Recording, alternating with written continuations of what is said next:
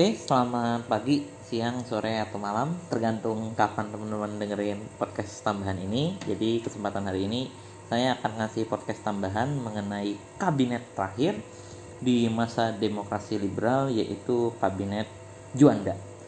Kabinet Juanda adalah kabinet terakhir di masa demokrasi liberal, dikenal dengan e, nama lain yaitu kabinet karya karena mereka memiliki yang namanya program pancakarya dan kabinet Juanda ini menjadi kabinet yang sifatnya adalah Zaken kabinet. Artinya kabinet ini e, mayoritas diisi oleh para administrator orang-orang profesional yang ahli di bidangnya yang keterikatannya dengan politik itu tidak terlalu dominan. Dan sebenarnya ketika kita ngomongin kabinet Juanda nih ada banyak hal yang mesti dibicarakan mengenai kabinet Juanda khususnya mengenai awal pembentukannya teman-teman. Kenapa kita harus paham benar mengenai pembentukan dari kabinet Juanda? Karena mungkin saya kasih gambaran singkat kepada teman-teman bahwa kabinet Juanda ini adalah sebuah kabinet yang secara kulit secara kulit ya dia adalah kabinet yang eh, hidup pada masa demokrasi liberal. Tetapi dalam pelaksanaannya kabinet Juanda dalam menjalankan tugasnya dia banyak e, melakukan tindakan-tindakan yang kurang sesuai dengan bagaimana sistem demokrasi liberal seharusnya dijalankan. Ya dalam tanda kutip ada beberapa penyimpangan konstitusi yang terjadi di kabinet Juanda karena ya memang ini kulitnya doang demokrasi liberal tapi dalam pelaksanaannya kabinet Juanda ini terpengaruh dari beberapa kondisi. Kondisi yang akan kita bahas ini adalah apa ya yang akan mempengaruhi bagaimana kabinet Juanda bekerja dari bulan April 57 sampai nanti e, bubarnya kabinet Juanda di bulan Juli 59. Yang pertama harus teman-teman pahami mengenai pembentukan kabinet Juanda, teman-teman harus sadar bahwa pembentukan kabinet Juanda ini nggak lepas dari bagaimana kabinet Ali II, kabinet hasil pemilu yang gagal dalam menjalankan tugasnya harapan besar terhadap kabinet Ali II itu runtuh karena bisa dikatakan kabinet Ali II ini mengalami yang namanya demoralisasi politik. Partai-partai yang terlibat di dalam kabinet Ali II ini udah kehilangan kepercayaan di mata masyarakat, di mata presiden, dan bahkan di mata TNI yang pada saat itu eh, tokoh besar yang berpengaruhnya adalah Nasution, Abdul Hadis Nasution. Nah, demoral, demoralisasi yang terjadi di kabinet eh, Ali II terlebih itu bisa tercipta karena kegagalan kabinet Ali II dalam mengatasi berbagai gejolak di daerah. Karena kan awal Maret itu ada yang namanya eh, deklarasi permesta. Lalu tuntutan dari dewan-dewan eh, Dewan Banteng, Dewan Manguni dan lain sebagainya di wilayah Sumatera itu membuat apa ya kondisi politik dalam negeri pada masa kabinet Ali II itu sangatlah kacau Bahkan sesama anggota koalisi pun di dalam kabinet Ali II itu terdapat konflik teman-teman di mana Mas Yumi bersama dengan PSI itu berkonflik dengan yang namanya PNI sebagai pemenang di pemilu 55 di mana Mas Yumi dan PSI ini menjadi kubu yang sangat membela bagaimana upaya-upaya daerah untuk menuntut yang namanya otonomi daerah serta perbaikan ekonomi di daerah. Sedangkan PNI merasa tidak mau yang namanya menuruti keinginan Mas Yumi PSI ataupun tokoh-tokoh militer di daerah yang memang mengharapkan ada sebuah perbaikan ekonomi di daerah-daerah. Makanya ketika kabinet Ali itu e, bubar di mana pada tanggal 14 Maret e, Perdana Menteri Ali menyerahkan mandatnya kepada presiden, satu hari kemudian tanggal 15 Maret 1957 dengan situasi dalam negeri yang sangat kacau, perpolitikannya, keamanannya, dan lain sebagainya, Nasution sebagai kepala staf angkatan darat di Tentara Nasional Indonesia pada saat itu memberi masukan kepada Soekarno bahwa ketika kita mempertahankan sistem demokrasi liberal yang seperti ini, ini akan ada ancaman disintegrasi nasional. Disintegrasinya itu bukan hanya masalah perpolitikan, tapi juga keamanan. Makanya Nasution memberi masukan kepada yang namanya Presiden Soekarno untuk yang namanya menerapkan sebuah eh, kondisi darurat perang di negara Indonesia. Dengan penerapan kondisi darurat perang itu diharapkan akan yang namanya tercipta sebuah stabilitas politik dalam negeri di Indonesia karena dengan yang namanya penerapan keadaan status darurat perang oleh Presiden Soekarno maka pada saat itu eh, akan ada dua pihak yang dapat keuntungan dalam yang namanya pengambilan kebijakan pada periode penerapan status keadaan darurat perang atau kita singkatnya SOB aja ya karena itu diambil dari eh, karena aturan itu diambil dari bahasa Belanda SOB aturan SOB bahasa, di bahasa Belanda. Jadi dua pihak yang diuntungkan dengan yang namanya penerapan status SOB di Indonesia yang pertama adalah Presiden Soekarno kenapa Presiden Soekarno itu diuntungkan karena nantinya Presiden Soekarno sebagai seorang kepala negara dan dalam tanda kutip seorang panglima dari angkatan perang dia punya yang namanya sebuah kuasa yang lebih dalam yang namanya kegiatan pemerintahan di Indonesia.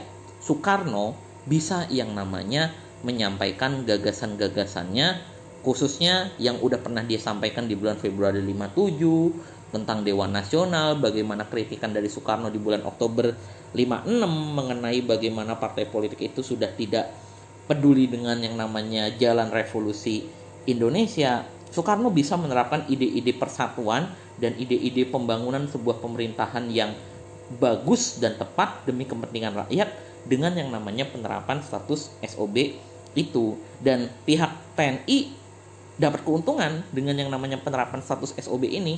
Kenapa TNI mendapatkan keuntungan dalam penerapan status SOB ini? Karena nantinya di berbagai wilayah yang situasinya itu sangat tidak kondusif, ada konflik di berbagai macam daerah, maka perwira-perwira tinggi TNI di daerah itu bisa yang namanya mengambil sebuah kebijakan atau sebuah keputusan. Atau mungkin bahasa gampangnya adalah dengan menerapkan status SOB ini, pihak TNI itu bisa ikut campur dalam permasalahan pemerintahan baik yang ada di tingkat pusat dalam batasan tertentu atau ikut campur dalam permasalahan yang ada di daerah. Dan pihak TNI ini kenapa mereka mengusulkan? Wabil khusus Nasution ya. Kenapa Nasution ini mengusulkan yang namanya penerapan SOB dilakukan oleh Soekarno? Karena menurut Nasution dengan diterapkannya SOB ini dan Soekarno dalam tanda kutip memiliki kekuasaan yang semakin besar di dalam sebuah negara Indonesia dan pemerintahan di Indonesia diharapkan Soekarno ini bisa menjadi yang namanya simbol persatuan masyarakat di Indonesia. Karena Soekarno meskipun apa ya meskipun dia ini di periode demokrasi liberal hanyalah seorang simbol negara tapi pengaruh-pengaruh Soekarno di masyarakat itu masih sangat kental Soekarno itu masih menyimpan aura-aura karisma yang sangat disegani oleh masyarakat dan terlebih yang harus teman-teman pahami Soekarno ini dalam tanda kutip ya dia itu bersih dari dosa-dosa politik pemerintahan pada masa demokrasi liberal. Kenapa dia bersih dari dosa-dosa politik e, pada pemerintahan masa demokrasi liberal? Karena kedudukannya dia adalah kepala negara, dia bukan seorang kepala pemerintahan. Segala kesalahan yang terjadi di demokrasi liberal adalah kesalahan perdana menteri yang merupakan kepala pemerintahan. Sedangkan Soekarno bisa membela dalam tanda kutip ya bisa membela dirinya bahwa gue hanyalah kepala negara, gue hanyalah simbol negara, gue tidak punya campur tangan dalam yang namanya kebijakan pemerintahan. Padahal ada beberapa kebijakan yang memang dipengaruhi oleh yang namanya Presiden Soekarno. Maka dari itu dengan yang namanya penerapan SOB ini eh, bisa dikatakan kabinet yang nantinya akan terbentuk pasca mundurnya kabinet Ali II adalah sebuah kabinet yang dibuat secara total oleh yang namanya Presiden Soekarno tanpa intervensi dari partai politik. Kenapa partai politik nggak bisa intervensi lagi? Karena partai politik ini kedudukannya pasca kabinet Ali II ini udah ngalamin demoralisasi total. PNI dicap sebagai partai para elit korup. NU keseret juga karena dia deketan sama PNI. Mas Yumi dicap sebagai partai yang ngeberontak sama dengan PSSI karena eh sama dengan PSI karena Mas Yumi dan PSI ini kan membela yang namanya tindakan yang dilakukan oleh para jenderal di PRRI dan Permesta.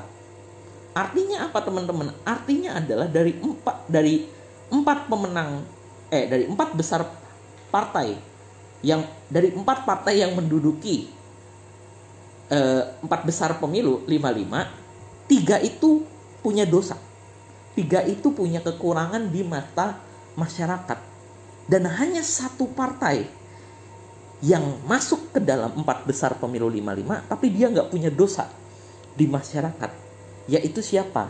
Yaitu PKI. Maka dari itu, pasca penerapan status SOB ini bisa dibilang dalam kondisi perpolitikan dalam negeri, di samping Soekarno posisinya menguat, TNI menjadi tangan kanannya Soekarno, PKI ini menjadi partai yang melesat sendirian dalam politik dalam negeri di Indonesia karena PKI ini dia tidak memiliki yang namanya dosa-dosa perpolitikan yang terjadi di masa demokrasi liberal. Karena kan PKI nggak pernah diajak dalam kabinet di masa demokrasi liberal. Sehingga PKI ini bisa yang namanya menunjukkan bahwa kami adalah partai yang bersih kami adalah partai yang tidak korup kami adalah partai yang membela rakyat kecil.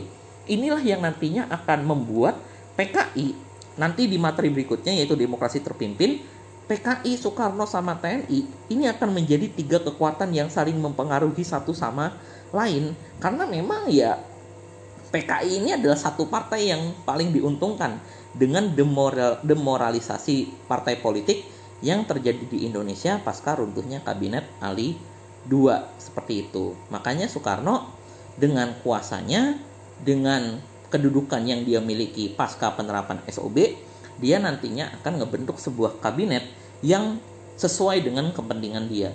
Dan Soekarno ngebentuk sebuah kabinet yang sifatnya profesional yang diisi oleh para administrator, diisi oleh orang-orang yang punya keahlian di berbagai bidang.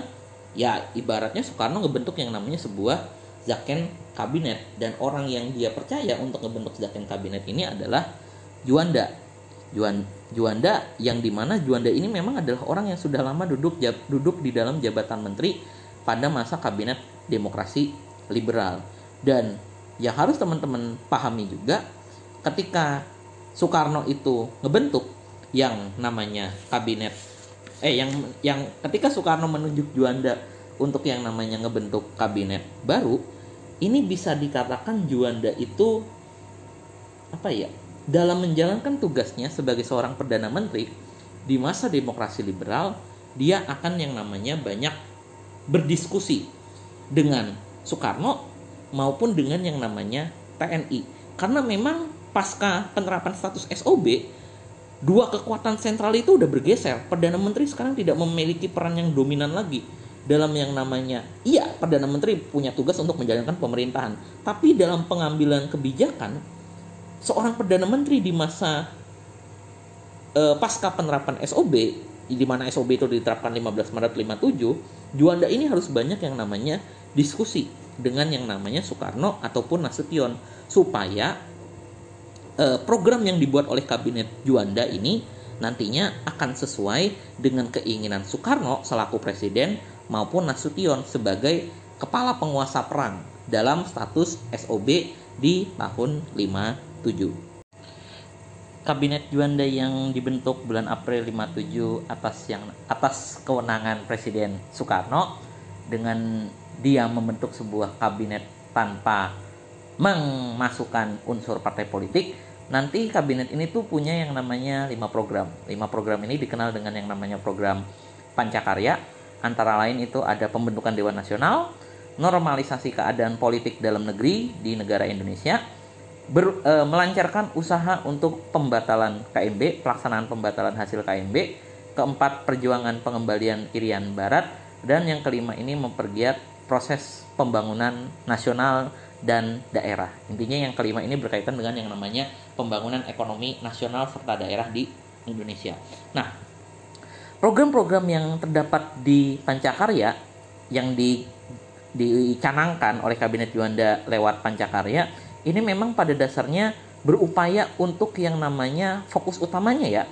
Fokus utamanya itu adalah yang namanya menciptakan sebuah normalisasi dulu dalam keadaan politik dalam negeri. Jadi memang PR utamanya kabinet Juanda ini prioritas ya PR dan prioritas utama dari kabinet Juanda ini adalah bagaimana mereka berupaya menciptakan yang namanya stabilitas politik dalam negeri pasca yang namanya eh, penerapan keadaan darurat perang atau penerapan SOB di Indonesia.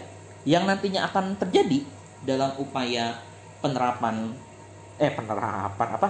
Normalisasi keadaan politik dalam negeri di negara Indonesia itu yang pertama dilakukan adalah satu eh, TNI bersama yang namanya pemerintahan kabinet Juanda mereka itu nantinya bakal yang namanya menggerakkan upaya pemberantasan korupsi khususnya dari elit-elit politik di dalam kabinet Ali II. Jadinya nanti tanggal 20 Maret 1957 Angkatan Darat bersama yang namanya e, kabinet Juanda berupaya untuk yang namanya dalam tanda kutip ya memberantas korupsi dengan menangkapi tokoh-tokoh politik yang punya e, keterlibatan baik itu dalam praktek korupsi, kolusi, nepotisme di masa kabinet Ali II dan bisa dikatakan upaya pemberantasan korupsi yang dilakukan oleh kabinet Juanda beserta yang namanya TNI ini nantinya akan juga dimanfaatkan oleh Presiden Soekarno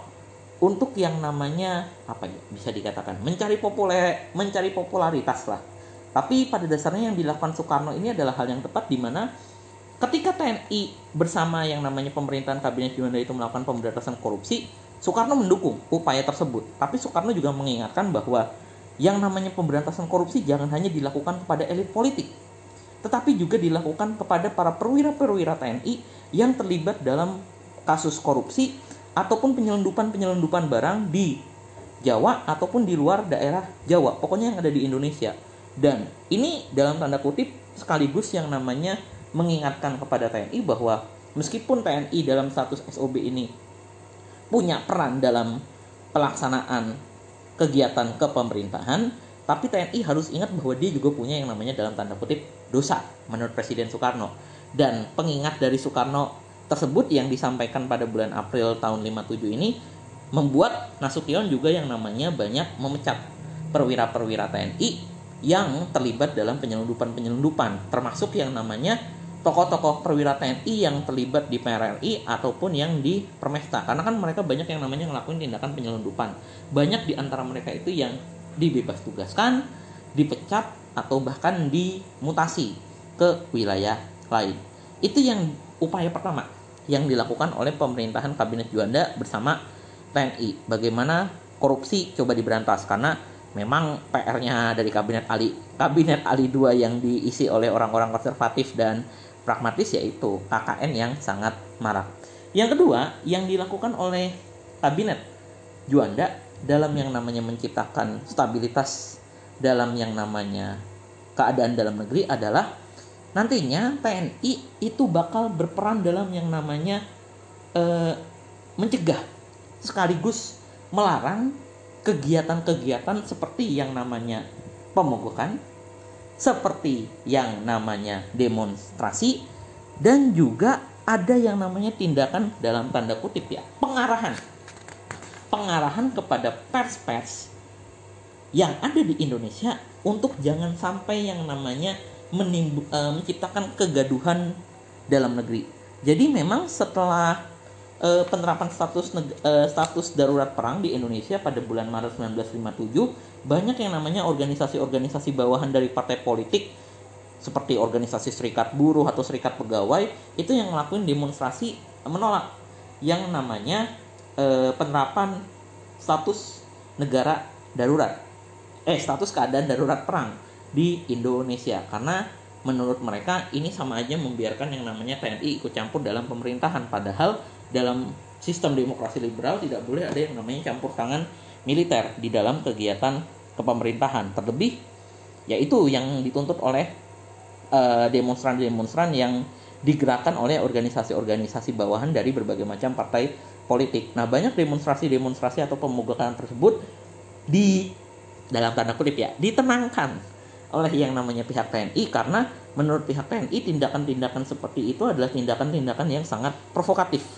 Tindakan-tindakan yang bisa menciptakan kerusuhan di masyarakat. Kerusuhan, penjarahan itu coba dihindari banget oleh yang namanya TNI. Dan TNI memang yang akan menjadi sasaran lebih apa ya, lebih utama dari yang namanya penciptaan stabilitas politik dalam negeri itu adalah mereka mencoba mengingatkan kepada pers-pers yang ada di Indonesia, para jurnalis, para wartawan surat kabar, untuk yang namanya jangan sampai membuat sebuah berita yang uh, subjektif atau bahasa gampangnya adalah membuat sebuah berita yang tidak didasarkan dengan fakta, tapi membuat sebuah berita yang menguntungkan demi tujuan politik atau tujuan ideologis kelompok tertentu. Karena menurut kelompok TNI dari pemilu 55 banyak pers-pers di Indonesia kan memang pada tahun 50-an di masa demokrasi liberal kebebasan berpendapat itu lagi tinggi-tingginya, surat kabar jumlahnya sangat banyak, tapi menurut TNI surat-surat kabar yang ada di Indonesia pada periode 50-an ada surat kabar-surat kabar yang merupakan kepanjangan tangan dari para elit politik atau dari para partai politik. Alhasil banyak isi-isi koran itu tidak didasarkan dari fakta, tapi isinya adalah mencibir kelompok politik tertentu atau e, menunjukkan bahwa lawan politiknya itu punya banyak salah, sedangkan dirinya sebagai suatu kelompok politik itu yang paling benar. Ini yang nggak disukai oleh yang namanya pihak TNI, bahwa TNI ini pengen yang namanya e, para jurnalis, para wartawan di periode 50-an untuk yang namanya menyampaikan sebuah berita berdasarkan fakta atau berdasarkan kenyataan di lapangan. Jangan kebanyakan bikin opini lah dalam yang namanya membuat sebuah berita. Karena kalau bikin sebuah berita yang tidak didasarkan dari fakta, bisa bikin kerusuhan atau kegaduhan politik, itu tidaklah mendukung upaya dari Kabinet Juanda beserta TNI dalam yang namanya menciptakan stabilitas politik dalam negeri. Bahkan tanggal 1 Mei 1957 eh, Nasution itu ngadain konferensi pers dengan yang namanya para jurnalis, para wartawan yang ada di Jakarta yang mewakili dari berbagai macam kelompok partai politik untuk yang namanya eh, jangan sampai menimbulkan berita-berita yang bikin gaduh karena menurut Nasution jikalau ada berita-berita yang bikin gak, bikin gaduh tentu TNI punya yang namanya kewenangan untuk yang namanya bertindak dalam mengatasi kegaduhan yang diciptakan oleh yang namanya insan jurnalis. Ya, bisa dikatakan tindakan yang dilakukan oleh kabinet Juanda ataupun TNI ini pada dasarnya memang ideal. Ideal dalam arti bahwa kondisi dalam negeri itu sedang yang namanya menghadapi gejolak politik dalam negeri. Kalau misalkan kebebasan pers diselewengkan dengan yang namanya melahirkan berita-berita yang tidak sesuai fakta kan memang akan cenderung yang namanya menghasilkan uh, fitnah di masyarakat. Tapi ya bisa dikatakan ini adalah sebuah koin yang ini ini ibarat kayak dua sisi mata uang, dua sisi koin di mana kebebasan pers adalah suatu hal yang perlu dikedepankan karena ketika kebebasan pers itu dibatasi, ya informasi-informasi yang mestinya diketahui oleh masyarakat makin lama makin minim. Tetapi ketika kebebasan pers itu dipakai untuk yang namanya memecah belah, ya itu juga salah. Jadi ya memang ini adalah suatu perdebatan yang sangat menarik yang terjadi di masa kabinet Juanda. Bagaimana memang pers itu coba diarahkan agar jangan sampai menimbul uh, membuat sebuah berita-berita yang fenomenal yang bikin kegaduhan. Pokoknya cukup bikin berita yang sesuai fakta dan kalau bisa bahkan pihak TNI pun ngasih saran ya rilis berita ikutin aja informasi yang disampaikan oleh bagian penerangan angkatan darat ketika butuh yang namanya informasi-informasi tertentu seperti itu. Itu adalah bagaimana dari upayanya eh, kabinet Juanda bersama TNI untuk yang namanya menciptakan yang namanya stabilitas politik dalam negeri dan stabilitas politik dalam negeri ini kan memang sedang diupayakan oleh kabinet Juanda karena memang ini berbarengan dengan yang namanya eh, kampanye kampanye di daerah yang berlangsung itu dari bulan April 57 sampai apa ini? Oh, sampai bulan September. Tapi mohon maaf kalau salah. Pokoknya di periode semester kedua itu diadakan yang namanya pemilu di daerah dan pemilu di daerah ini kan perlu yang namanya sebuah stabilitas politik dalam negeri supaya tidak ada halangan dalam pelaksanaan pemilu daerah ini. Dan pada akhirnya kan pemilu daerah ini berhasil yang namanya menghasil berhasil yang namanya menciptakan kejutan di mana PKI ini bisa yang namanya meraih suara cukup mayoritas di pemilu daerah. Karena ya seperti yang saya bilang di awal bahwa PKI ini menjadi partai yang paling diuntungkan dengan merosotnya moral partai-partai lama yang berkuasa di masa demokrasi liberal. Ya pokoknya PKI ini dianggap sebagai partai yang paling bersih lah di masa demokrasi liberal karena dia nggak punya dosa-dosa beda dengan yang namanya partai-partai lain dan nantinya pun dalam upaya menciptakan stabilitas politik dalam negeri nanti akan lebih jauh kita akan melihat bagaimana kabinet Juanda beserta TNI ini nantinya akan yang namanya mencoba membatasi kegiatan beberapa partai politik. Khususnya adalah Mas Yumi sama yang namanya PSI karena memang nanti di tahun 58 ketika PRRI itu dideklarasikan Mas Yumi dan PSI ini dianggap sebagai biang kerok dari yang namanya lahirnya sebuah pemerintahan tandingan. Sehingga eh, banyak tokoh-tokoh Mas Yumi atau PSI yang diincar buat ditangkap ada yang berhasil ditangkap ada yang lolos tapi pada umumnya nanti kegiatan politik dari partai Mas Yumi ataupun PSI itu banyak yang namanya dihentikan oleh pihak TNI karena mereka dicap sebagai kompor dalam eh, pemberontakan garis miring pembangkangan yang terjadi di Indonesia. Itu mengenai yang namanya normalisasi keadaan di RI. Dan yang kedua kita akan bicara bagaimana di masa kabinet Juanda ini nantinya Soekarno berhasil mewujudkan mimpinya ya bukan mimpi juga sih tapi keinginan mewujudkan keinginan Soekarno yaitu membentuk sebuah lembaga fungsional yang memiliki kompetensi lebih baik dibandingkan DPR dan lembaga ini adalah yang namanya Dewan Nasional. Dewan Nasional ini nantinya akan secara resmi dibentuk bulan Mei 1957 berdasarkan dekret dari Perdana Menteri Juanda. Dan dalam posisi Dewan Nasional itu eh, Presiden Soekarno itu memiliki kedudukan sebagai yang namanya ketua dari Dewan Nasional ini. Dan bisa dibilang kan Dewan Nasional ini adalah cita-citanya Soekarno keinginannya Soekarno dalam yang namanya apa ya mengubur sistem demokrasi liberal di mana dalam Dewan Nasional yang dia bentuk ini kan punya fungsi untuk yang namanya menampung dan menyalurkan keinginan-keinginan dari kelompok-kelompok sosial yang ada di dalam masyarakat. Kelompok-kelompok sosial ini adalah kelompok-kelompok fungsional seperti ada TNI, ada polisi, ada guru, pegawai e, negeri, seniman dan lain sebagainya serta eh, Dewan Nasional ini juga berfungsi sebagai yang namanya penasehat pemerintah untuk melancarkan roda pemerintahan dan menjaga stabilitas politik di negara Indonesia. Jadi ya bisa dibilang Dewan Nasional ini macam kayak DPR tandingan yang dibuat oleh Soekarno dengan yang namanya merangkul merangkul berbagai macam kelompok fungsional yang memang punya peran dalam kehidupan bernegara dan berbangsa di Indonesia ini. Tapi kan yang harus teman-teman ingat di sini adalah pada masa kabinet Juanda kan DPR tetap ada.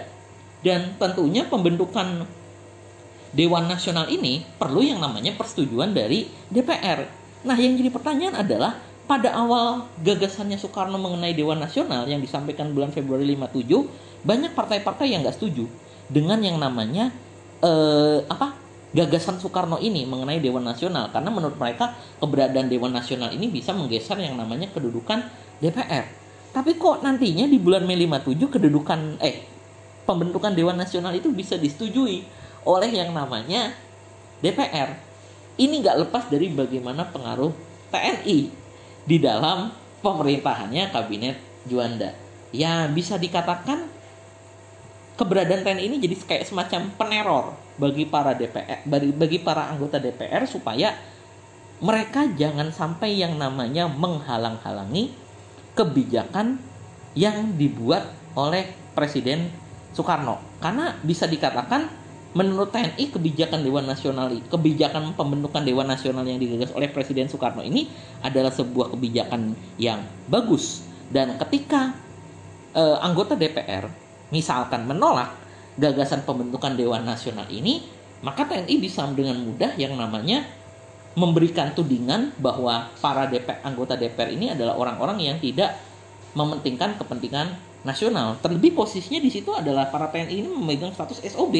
Mereka bisa dengan mudah menciduk para anggota-anggota DPR yang menentang kebijakan yang dibuat oleh pemerintahan kabinet Juwanda. Salah satunya adalah pembentukan Dewan Nasional dan ya bisa dikatakan de anggota DPR ini udah kayak apa ya?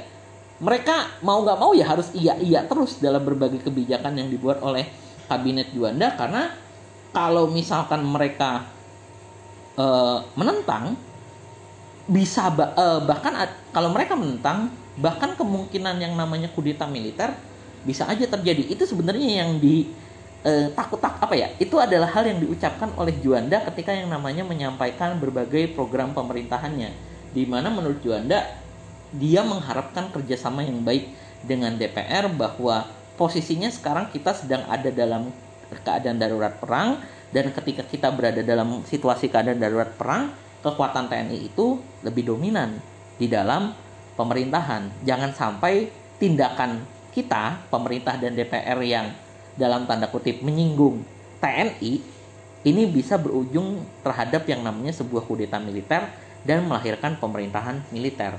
Para elit politik pun lebih ya lebih mereka lebih khawatir dengan yang namanya sebuah pemerintahan militer karena dengan pemerintahan militer maka elit-elit militer itu bisa bertindak semaunya dan mereka merasa ya kondisi saat ini pada masa kabinet Juanda dengan Soekarno masih dianggap sebagai pemimpin nasional ya bisa dibilang jadi poros utama kekuatan dari kabinet Juanda ya ya udah kita uh, iakan aja berbagai keinginan dari Presiden Soekarno. Ya memang kesannya agak, agak terpaksa cuman ya ini adalah pilihan yang harus dihadapi oleh para elit DPR bahwa apa yang di, dialami oleh para elit DPR hari itu pada masa kabinet Juanda adalah panen yang mereka terima atas tindakan-tindakan e, persaingan politik yang sudah mereka lakukan sejak kabinet Natsir sampai yang namanya kabinet Ali II. Nah, nantinya ketika Dewan Nasional ini dibentuk bisa dikatakan yang namanya program-program ekonomi pada masa kabinet Juanda itu mulai yang namanya di Nah, program ekonomi yang coba digerakkan oleh kabinet Juanda ini nantinya akan digerakkan oleh Dewan Nasional lewat yang namanya penyelenggaraan musyawarah nasional pada tanggal 10 sampai 14 September 1957 eh, di mana musyawarah nasional ini yang dihadiri juga oleh mantan wakil presiden Muhammad Hatta ini adalah sebuah musyawarah yang membicarakan terkait bagaimana perencanaan keuangan bagi negara Indonesia pada tahun 57 dan setelahnya sekaligus membicarakan mengenai masalah-masalah pemerintahan masalah kedaerahan, masalah banyak hal lah pokoknya yang dihadapi oleh negara Indonesia pada periode 5-7. Bahkan masalah terkait yang namanya Dwi Tunggal Soekarno-Hatta, bagaimana mengembalikan Hatta sebagai wakil presiden, eh sebagai pemimpin politik lah. Entah itu jadi wakil presiden, entah itu jadi perdana menteri. Ini juga dibicarakan dalam yang namanya e, musyawarah nasional karena yang harus teman-teman ketahui bahwa keberadaan PRRI dan Permesa itu kan juga mereka menuntut yang namanya pengembalian Hatta sebagai wakil presiden atau sebagai yang namanya tokoh politik penting dalam pemerintahan pusat di Indonesia. Karena Hatta itu dianggap sebagai representasi masyarakat luar Pulau Jawa di pemerintahan. Kayak begitu.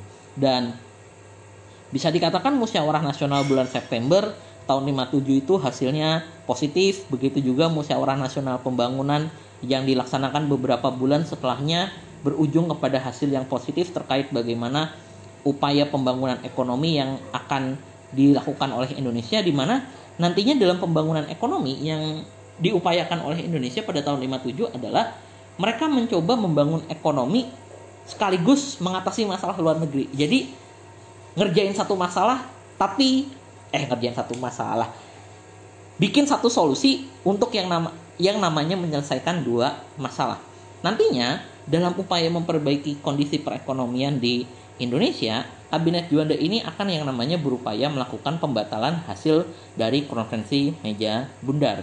Dengan yang namanya melakukan pelaksanaan pembatalan hasil dari konferensi meja bundar di sini nantinya e, pemerintahan kabinet Juanda dalam tanda kutip akan yang namanya bebas dalam tanda kutip ya dalam tanda kutip bebas dari yang namanya e, kewajiban untuk membayar yang namanya e, ganti rugi kepada pemerintah Belanda atas konflik yang berlangsung dari tahun 45 sampai tahun 49 dengan yang namanya dalam tanda kutip hilangnya denda tersebut tentu keadaan ekonomi Indonesia tidak harus difokuskan kepada yang namanya melunasi hutang kepada pemerintah Belanda. Nah, ketika upaya pelaksanaan pembatalan KMB itu sedang digerakkan oleh kabinet Juanda, ini kan dapat respon nih dari pemerintah Belanda. Bagaimana pemerintah Belanda melihat bahwa Indonesia ini sedang melakukan upaya eh, pelanggaran terhadap sebuah perjanjian yang legal, di mana Indonesia berupaya membatalkan hasil konferensi meja bundar. Tapi di sisi lain, pemerintah Indonesia itu nyerang balik pemerintah Belanda dengan alasan bahwa pemerintah Belanda adalah pihak yang harusnya bersalah dalam yang namanya pembatalan KMB ini karena pemerintah Belanda tidak komit untuk yang namanya menuntaskan masalah Irian Barat yang tertera di dalam KMB. Ya, bisa dikatakan ini tiap-tiap kubu saling yang namanya melakukan pembenaran. Tapi bagaimana pemerintah Belanda dengan yang namanya merespon upaya pembatalan KMB dengan yang namanya menghold atau menahan pembicaraan terkait yang namanya masalah Irian Barat akan membuat pemerintahan kabinet Juanda ini melakukan yang namanya sebuah tindakan yang sangat ekstrim tapi sangat berpengaruh bagus dalam perekonomian di mana nantinya pemerintahan kabinet Juanda itu akan yang namanya melakukan nasionalisasi terhadap perusahaan-perusahaan Belanda yang ada di Indonesia nasionalisasi terhadap perusahaan-perusahaan Belanda yang dilakukan oleh pemerintahan kabinet Juanda ini sayangnya ya, sayangnya ya, memang kan tadi seperti yang dibilang tujuannya ini kan akan yang namanya mengatasi permasalahan ekonomi di Indonesia. Cuman pada realitanya di lapangan nasionalisasi yang dilakukan oleh pemerintahan kabinet Juanda terhadap perusahaan-perusahaan Belanda yang ada di Indonesia ini adalah nasionalisasi yang hanya pengambil alihan kantor-kantor milik perusahaan-perusahaan Belanda yang ada di Indonesia. Sedangkan banyak aset-aset, aset-aset ya artinya e, barang-barang pendukung dalam kegiatan perusahaan Belanda di Indonesia itu banyak aset-asetnya yang berhasil dalam tanda kutip lolos dari Indonesia. Sehingga apa yang terjadi di masa kabinet Juanda itu hanya sekadar pengambil alihan kantor dari perusahaan milik Belanda sekarang menjadi perusahaan milik negara Indonesia saya ambil contoh deh, contoh satu kegagalan terkait yang namanya nasionalisasi uh, perusahaan-perusahaan Belanda di Indonesia adalah ketika ter, uh, dilakukan yang namanya uh, nasionalisasi terhadap yang namanya perusahaan uh, pelayaran Belanda, yaitu KPM. Perusahaan pelayaran Belanda ini kan dia punya tugas yang namanya sebagai uh, moda transportasi laut di Indonesia sekaligus moda transportasi perdagangan di Indonesia yang memang pada saat itu kapal masih jadi prioritas utama ketika KPM itu diambil alih oleh pemerintahan kabinet Juanda, banyak kapal-kapal yang dimiliki oleh perusahaan KP, eh, yang dimiliki oleh perusahaan KPM itu berhasil kabur dari yang namanya wilayah perairan Indonesia. Dan ketika kapal-kapal ini berhasil yang namanya kabur dari wilayah Indonesia, otomatis yang didapatkan oleh pemerintah Indonesia hanyalah kantornya KPM doang sedangkan asetnya seperti kapal-kapal yang berguna loh. Kapal-kapalnya itu berguna untuk yang namanya kegiatan dagang kegiatan e, transportasi. Itu berhasil lolos dari Indonesia sehingga ya rencana awal nasionalisasi yang akan membawa pengaruh positif cukup banyak bagi Indonesia ternyata tidak terlalu bes, e, besar perannya. Bahkan kecerobohan yang dilakukan oleh pemerintahan kabinet Juanda ini dikritik oleh yang namanya Muhammad Hatta bahwa tindakan pengambil alihan itu justru tindakan yang memperburuk kondisi perekonomian di Indonesia. Hal lain yang nantinya dilakukan oleh pemerintah Indonesia kan ibaratnya pemerintah Indonesia ngelakuin yang namanya nasionalisasi terhadap eh, perusahaan-perusahaan milik Belanda ini di samping untuk yang namanya eh di samping merupakan sebuah akibat dari pelaksanaan pembatalan KMB tapi dengan yang namanya dilaksanakan nasionalisasinya nasionalisasi perusahaan-perusahaan milik Belanda di Indonesia di sini pemerintah, eh, pemerintah kabinet Juanda ingin menunjukkan kepada Belanda bahwa Indonesia ini punya yang namanya komitmen kuat untuk yang namanya memperjuangkan haknya untuk memperoleh kembali Irian Barat. Dan bahkan nantinya sebagai upaya untuk mengembalikan Irian Barat menjadi milik Indonesia di masa kabinet Juanda ini nantinya akan lahir sebuah eh, peraturan yaitu peraturan pemerintah pengganti undang-undang nomor 4 tahun 1960 di mana peraturan pemerintah pengganti undang-undang nomor 4 tahun 1960 ini adalah sebuah peraturan yang intinya memperkuat sebuah kebijakan yang diterapkan oleh masa kabinet Juanda eh masa pemerintahan kabinet Juanda yaitu deklarasi Juanda. Jadi nantinya eh, di tahun 60 pemerintah kabinet pemerintah kabinet Juanda ini perdana menterinya yaitu Juanda akan yang namanya mengeluarkan sebuah deklarasi bernama deklarasi Juanda bahwa deklarasi Juanda ini intinya adalah e, pemerintah Indonesia menetapkan bahwa yang namanya wilayah perairan Indonesia itu luasnya bertambah menjadi 12 mil. Nah, tentu yang jadi pertanyaan adalah apa hubungan antara penerapan deklarasi Juanda ini dengan yang namanya upaya perjuangan Irian Barat? Nah, penerapan deklarasi Juanda ini sebenarnya adalah respon juga dari bagaimana banyaknya kapal-kapal KPM yang berhasil kabur dari Indonesia pada saat nasionalisasi perusahaan asing terjadi di Indonesia. Kapal-kapal milik uh, pemerintah eh kapal-kapal milik perusahaan Belanda yaitu KPM yang berhasil lolos itu bisa terjadi karena mereka itu ketika berlayar lebih dari 3 mil itu mereka sudah berada di yang namanya laut internasional. Ketika teman-teman melihat yang namanya uh, peta wilayah Indonesia, negara Indonesia itu kan negara kepulauan yang di mana antar pulau itu dibatasi oleh sebuah wilayah lautan yang cukup luas. Dengan yang namanya uh, peraturan internasional di mana wilayah di atas 3 mil itu adalah wilayah laut internasional, itu menjadi sebuah uh, pertanda buruk bagi Indonesia karena nantinya kapal-kapal asing milik negara apa pun selama dia berada di luar eh berada di lebih dari 3 mil daratan Indonesia itu mereka boleh yang namanya berlayar bebas di dalam negara Indonesia karena itu adalah wilayah teritori laut internasional. Nah, deklarasi Juanda ini punya fungsi e, yaitu dengan yang namanya diterapkan e, wilayah perairan Indonesia itu sejauh 12 mil, artinya adalah tiap pulau di Indonesia itu nantinya akan terhubung sebagai yang namanya wilayah teritorial Indonesia dan bukan menjadi sebuah laut internasional. Dan ketika daerah-daerah laut Indonesia ini tidak menjadi yang namanya laut internasional, melainkan menjadi laut teritorial, kapal-kapal asing tidak boleh yang namanya melintas di wilayah laut teritorial Indonesia. Dan jika ada yang melintas, maka pemerintah Indonesia punya hak untuk yang namanya menangkap, menembak, atau men atau menghancurkanlah kapal-kapal yang melewati wilayah teritorial Indonesia. Dan deklarasi Juanda ini kan berdampak kepada bagaimana perjuangan Indonesia dalam yang namanya merebut Irian Barat di mana ini menjadi dalam tanda kutip upaya penguatan pertahanan. Karena pemerintah Indonesia sadar termasuk TNI sadar bagaimana tindakan mereka yang membatalkan KMB ini bisa mendapatkan respon militer dari yang namanya pemerintah Belanda.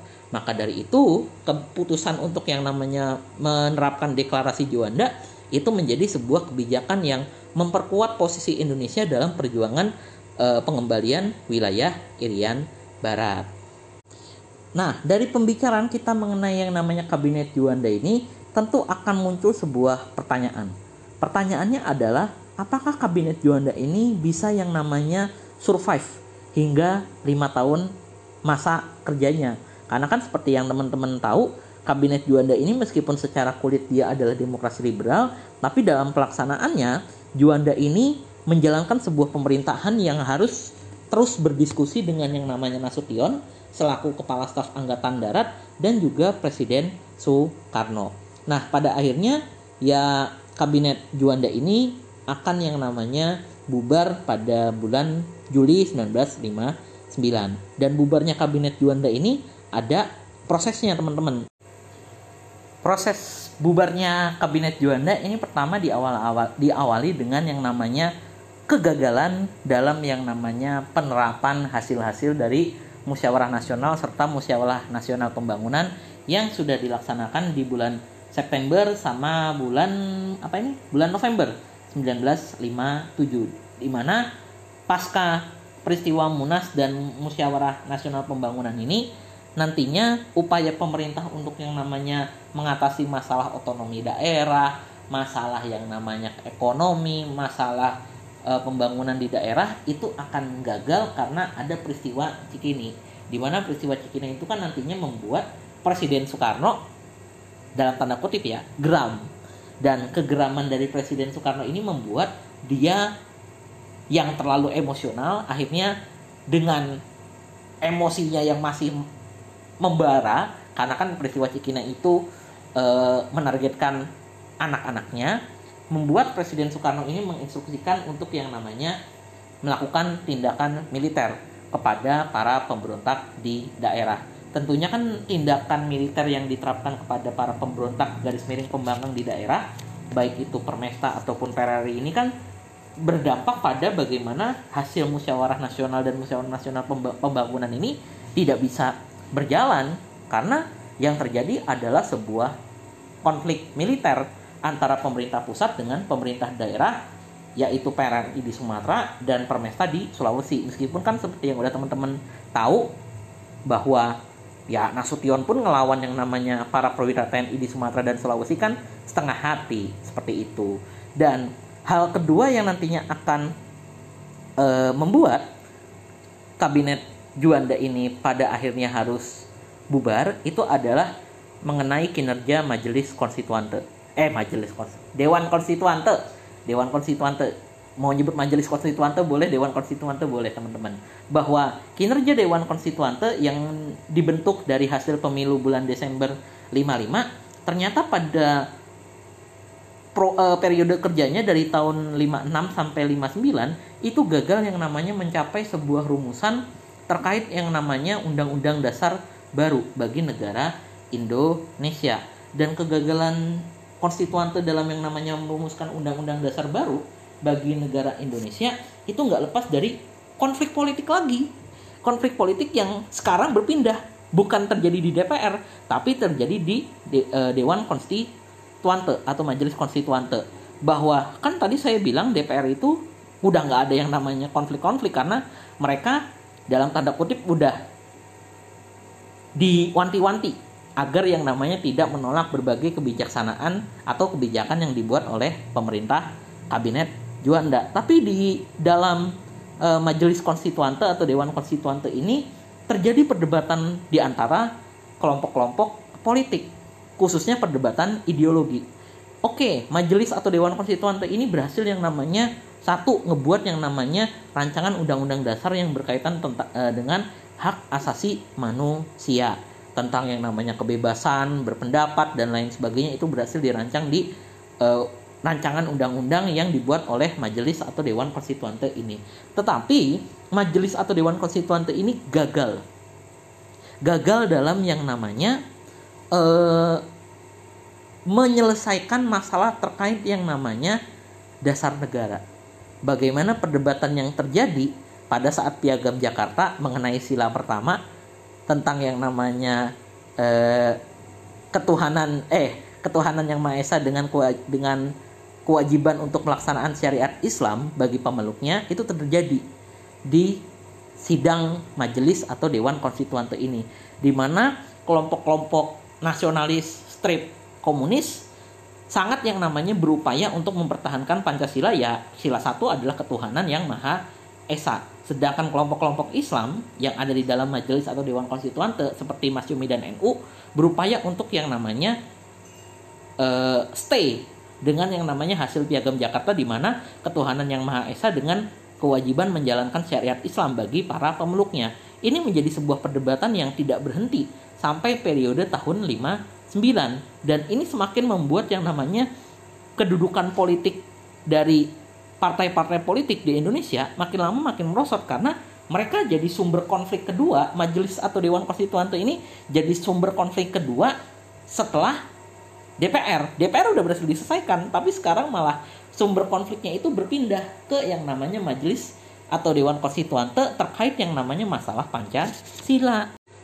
Melihat Dewan Konstituante, Dewan atau Majelis Konstituante ini yang berkonflik lagi terkait masalah dasar negara, antara perdebatan kelompok nasionalis dan Islam, nantinya Nasution sebagai salah satu orang tertinggi di dalam Dewan Nasional karena dia posisinya adalah sebagai anggota ex officio ngasih saran kepada Presiden Soekarno melihat meng, e, melihat terkait yang namanya kondisi politik dalam negeri yang ternyata masih gaduh oleh para elit politik yang berdebat mengenai yang namanya masalah dasar negara Nasution ngasih yang namanya usulan kepada Presiden Soekarno untuk yang namanya uh, kembali aja ke yang namanya Undang-Undang Dasar 1945. Jangan sampai kita uh, terlalu lama menunggu hasil perdebatan yang terjadi di dalam majelis atau Dewan Konstituan karena menurut Nasution dan para perwira tinggi TNI ketika Indonesia kembali ke UUD 50 dan meninggalkan UUD 50 maka Indonesia ini sudah kembali ke jiwa revolusinya seperti itu. Tetapi bisa dikatakan uh, usulan dari Nasution ini sempat banyak ditimbang-timbang dulu oleh Presiden Soekarno. Karena Soekarno melihat kalau misalkan kembali ke Undang-Undang Dasar 45, maka yang terjadi adalah sebuah sistem pemerintahan presidensial di mana Soekarno ini tidak hanya sebagai seorang kepala negara nantinya, tapi Soekarno ini juga memiliki yang namanya tanggung jawab dalam hal pemerintahan dia punya tanggung jawab jikalau negara Indonesia mengalami sebuah gejolak baik itu gejolak politik gejolak ekonomi. Karena Soekarno harus bikin yang namanya kebijakan-kebijakan ekonomi pembangunan dan lain sebagainya bagi negara Indonesia.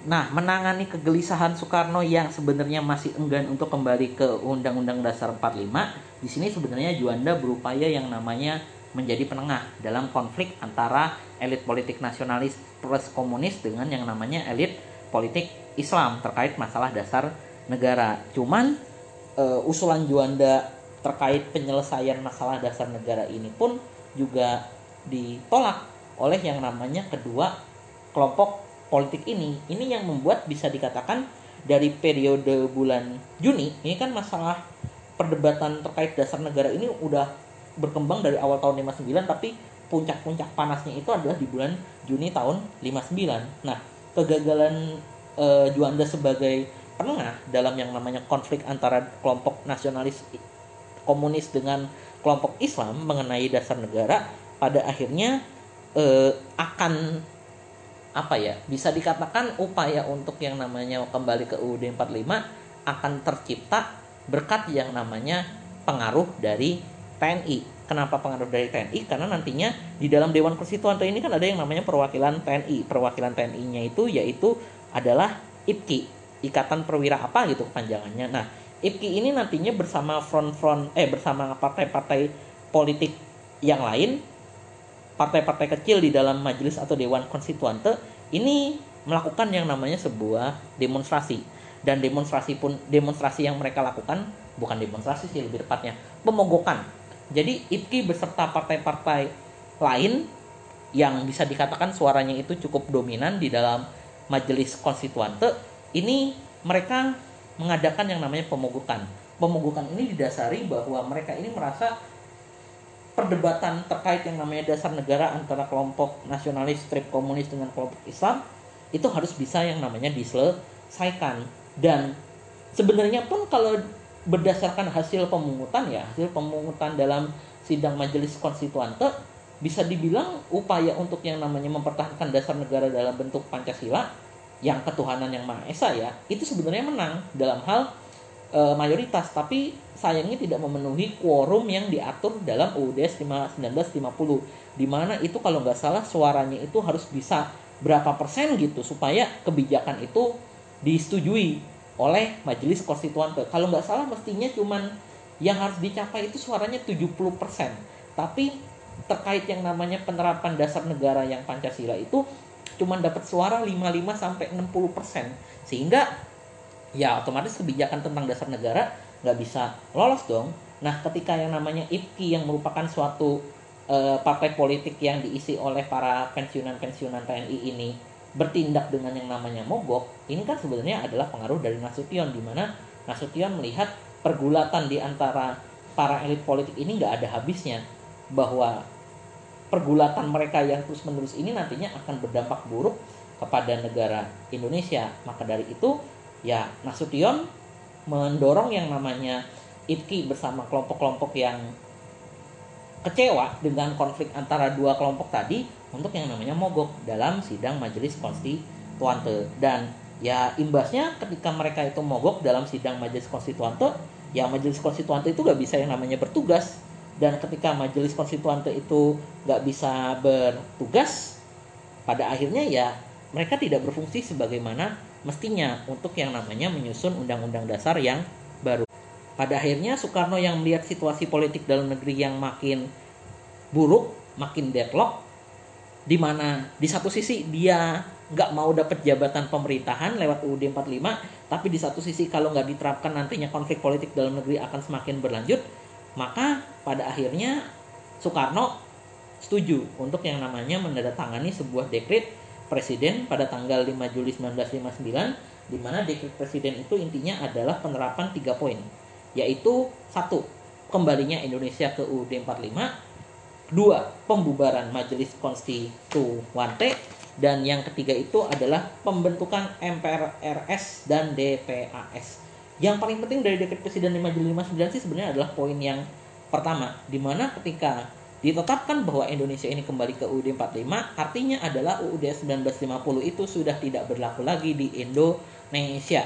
Dan di majelis konstituante yang dibubarkan otomatis upaya pembentukan undang-undang dasar baru itu tidak ada dan ketika undang-undang dasar 1945 diterapkan kembali artinya adalah sistem pemerintahan yang kita anut bukan lagi sebuah sistem demokrasi liberal yang parlementer multi partai tapi menjadi sebuah sistem presidensil dengan yang namanya kepemimpinan Presiden Soekarno karena nantinya setelah dekret 5 Juli 59 ini, Indonesia akan memasuki yang namanya era demokrasi terpimpin. Itu aja mungkin podcast tambahan dari saya mengenai Kabinet Juanda panjang banget.